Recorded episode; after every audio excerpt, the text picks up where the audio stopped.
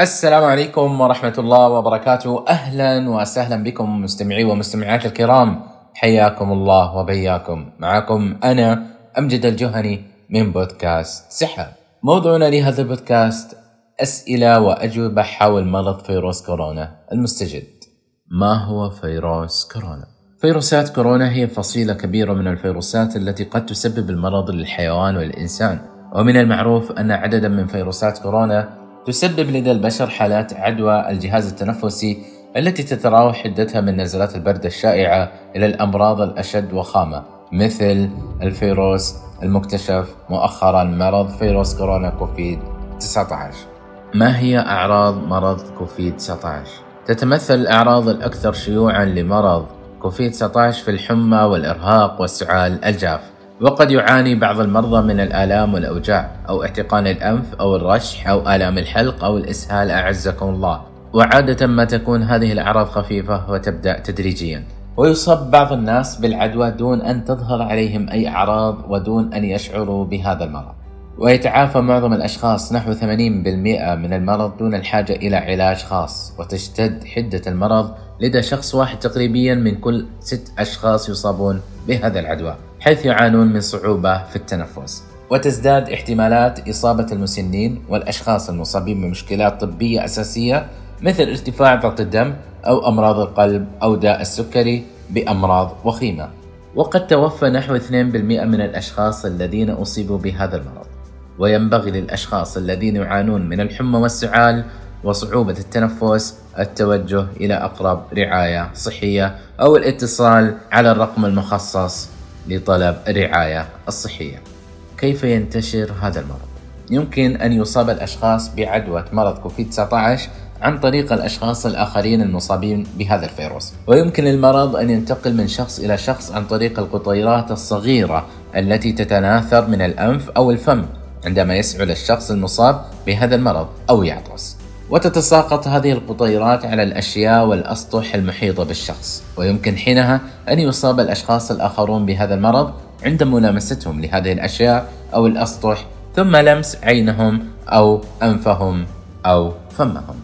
كما يمكن أن يصاب الأشخاص بهذا المرض إذا تنفسوا القطيرات التي تخرج من الشخص المصاب بالمرض مع سعاله وزفيره. ولذا فمن الأهمية الابتعاد عن الشخص المريض بمسافة تزيد على متر واحد أي ثلاثة أقدام هل يمكن للفيروس المسبب لمرض كوفيد 19 أن ينتقل عبر الهواء؟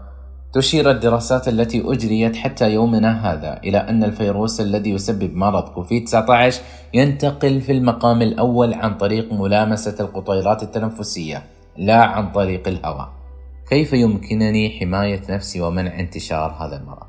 اطلع باستمرار على أحدث المعلومات عن فاشية هذا المرض التي تتاح على المواقع الإلكترونية سواء لمنظمة الصحة العالمية أو عن طريق سلطات الصحة العمومية والوطنية والمحلية. أيضا عليك الحفاظ على صحتك وحماية الآخرين باتباع ما يلي. نظف يديك جيدا بانتظام بفركهما بمطهر كحولي لليدين أو بغسلهما بالماء والصابون. إن تنظيف يديك بالماء والصابون أو فركهما بمطهر كحولي من شأنه أن يقتل الفيروسات التي قد تكون على يديك. احتفظ بمسافة لا تقل عن متر واحد أي ثلاثة أقدام بينك وبين أي شخص يسعل أو يعطس. تجنب لمس عينيك وأنفك وفمك. تلمس اليدين العديد من الأسطح ويمكنها أن تلتقط الفيروسات وإذا تلوثت اليدان فإنها قد تنقلان هذا الفيروس إلى العينين أو الأنف أو الفم. ويمكن للفيروس أن يدخل الجسم عن طريق هذه المنافذ ويصيبك بالمرض. تأكد من اتباعك أنت والمحيطين بك لممارسات النظافة التنفسية الجيدة. ويعني ذلك أن تغطي فمك وأنفك بكوعك المثني أو بمنديل ورقي عند السعال أو العطس ثم التخلص من هذا المنديل المستعمل على الفور. ألتزم بمنزلك. إذا شعرت بالمرض إذا كنت مصابا بالحمى والسعال وصعوبة التنفس توجه فورا إلى الرعاية الطبية أو اتصل بمقدم الرعاية الطبية قبل التوجه إليه واتبع توجيهات السلطات الصحية بدولتك. اطلع باستمرار على آخر التطورات لمرض كوفيد 19 بشأن كيفية حماية نفسك والآخرين من هذا المرض. هل ينبغي أن أشعر بالقلق من الإصابة بهذا المرض؟ إذا لم تكن في منطقة ينتشر فيها هذا المرض أو لم تكن قد سافرت إلى أي من هذه المناطق ولم تكن قد خلط أي شخص يشعر بالتوعك فإن احتمالات إصابتك بهذا المرض تعد قليلة حاليا. ومع ذلك فإن شعورك بالتوتر والقلق اتجاه هذا الأمر يمكن تفهمه. وحصولك على الوقائع التي تساعدك على تحديد المخاطر بدقة حتى يمكنك اتخاذ الاحتياطات المعقولة يعد أمرا جيد. أما إذا كنت في منطقة تفشى فيها هذا المرض اتبع المشورة الصادرة من السلطات الصحية الوطنية والمحلية. فعلى الرغم من أن مرض كوفيد 19 لا يتسبب في أي اعتلال طفيف لدى معظم الناس فإنه قد يتسبب بمرض وخيم لدى الآخرين ويؤدي المرض في حالات نادرة إلى الوفاة. ويبدو أن المسنين والأشخاص المصابين بالحالات الطبية مثل ارتفاع ضغط الدم وأمراض القلب وداء السكري أكثر تأثرا بالمرض. هل المضادات الحيوية فعالة في الوقاية من مرض كوفيد 19 أو علاجه؟ لا تقضي المضادات الحيوية على الفيروسات فهي لا تقضي إلا على العدوى الجرثومية. وبأن مرض كوفيد 19 سببه فيروس فإن المضادات الحيوية لا تقضي عليه. فلا ينبغي استعمال المضادات الحيوية كوسيلة للوقاية من هذا المرض أو علاجه. ولا ينبغي استعماله إلا وفقا للتعليمات الطبيب لعلاج حالات العدوى الجرثومية. هل هناك لقاح أو دواء أو علاج لمرض كوفيد 19؟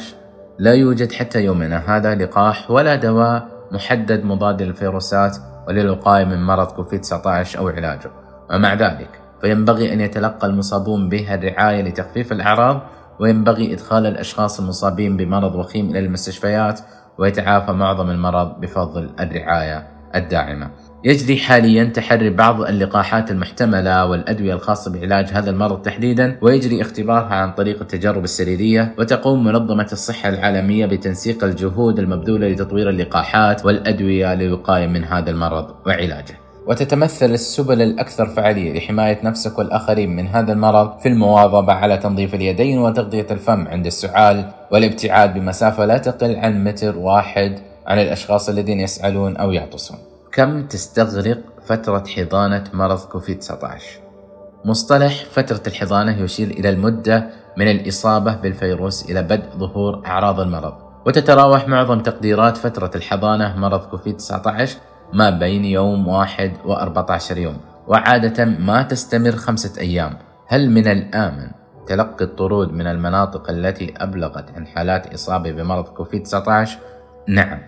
إن احتمالات تلوث السلع التجارية عن طريق شخص مصاب بالعدوى هي احتمالات ضعيفة كما أن مخاطر الإصابة الذي يسبب مرض كوفيد 19 عن طريق طرد نقل وشحن وتعرض لمختلف الظروف ودرجات الحرارة هي مخاطر ضئيلة هل هناك أمور ينبغي أن أتجنبها؟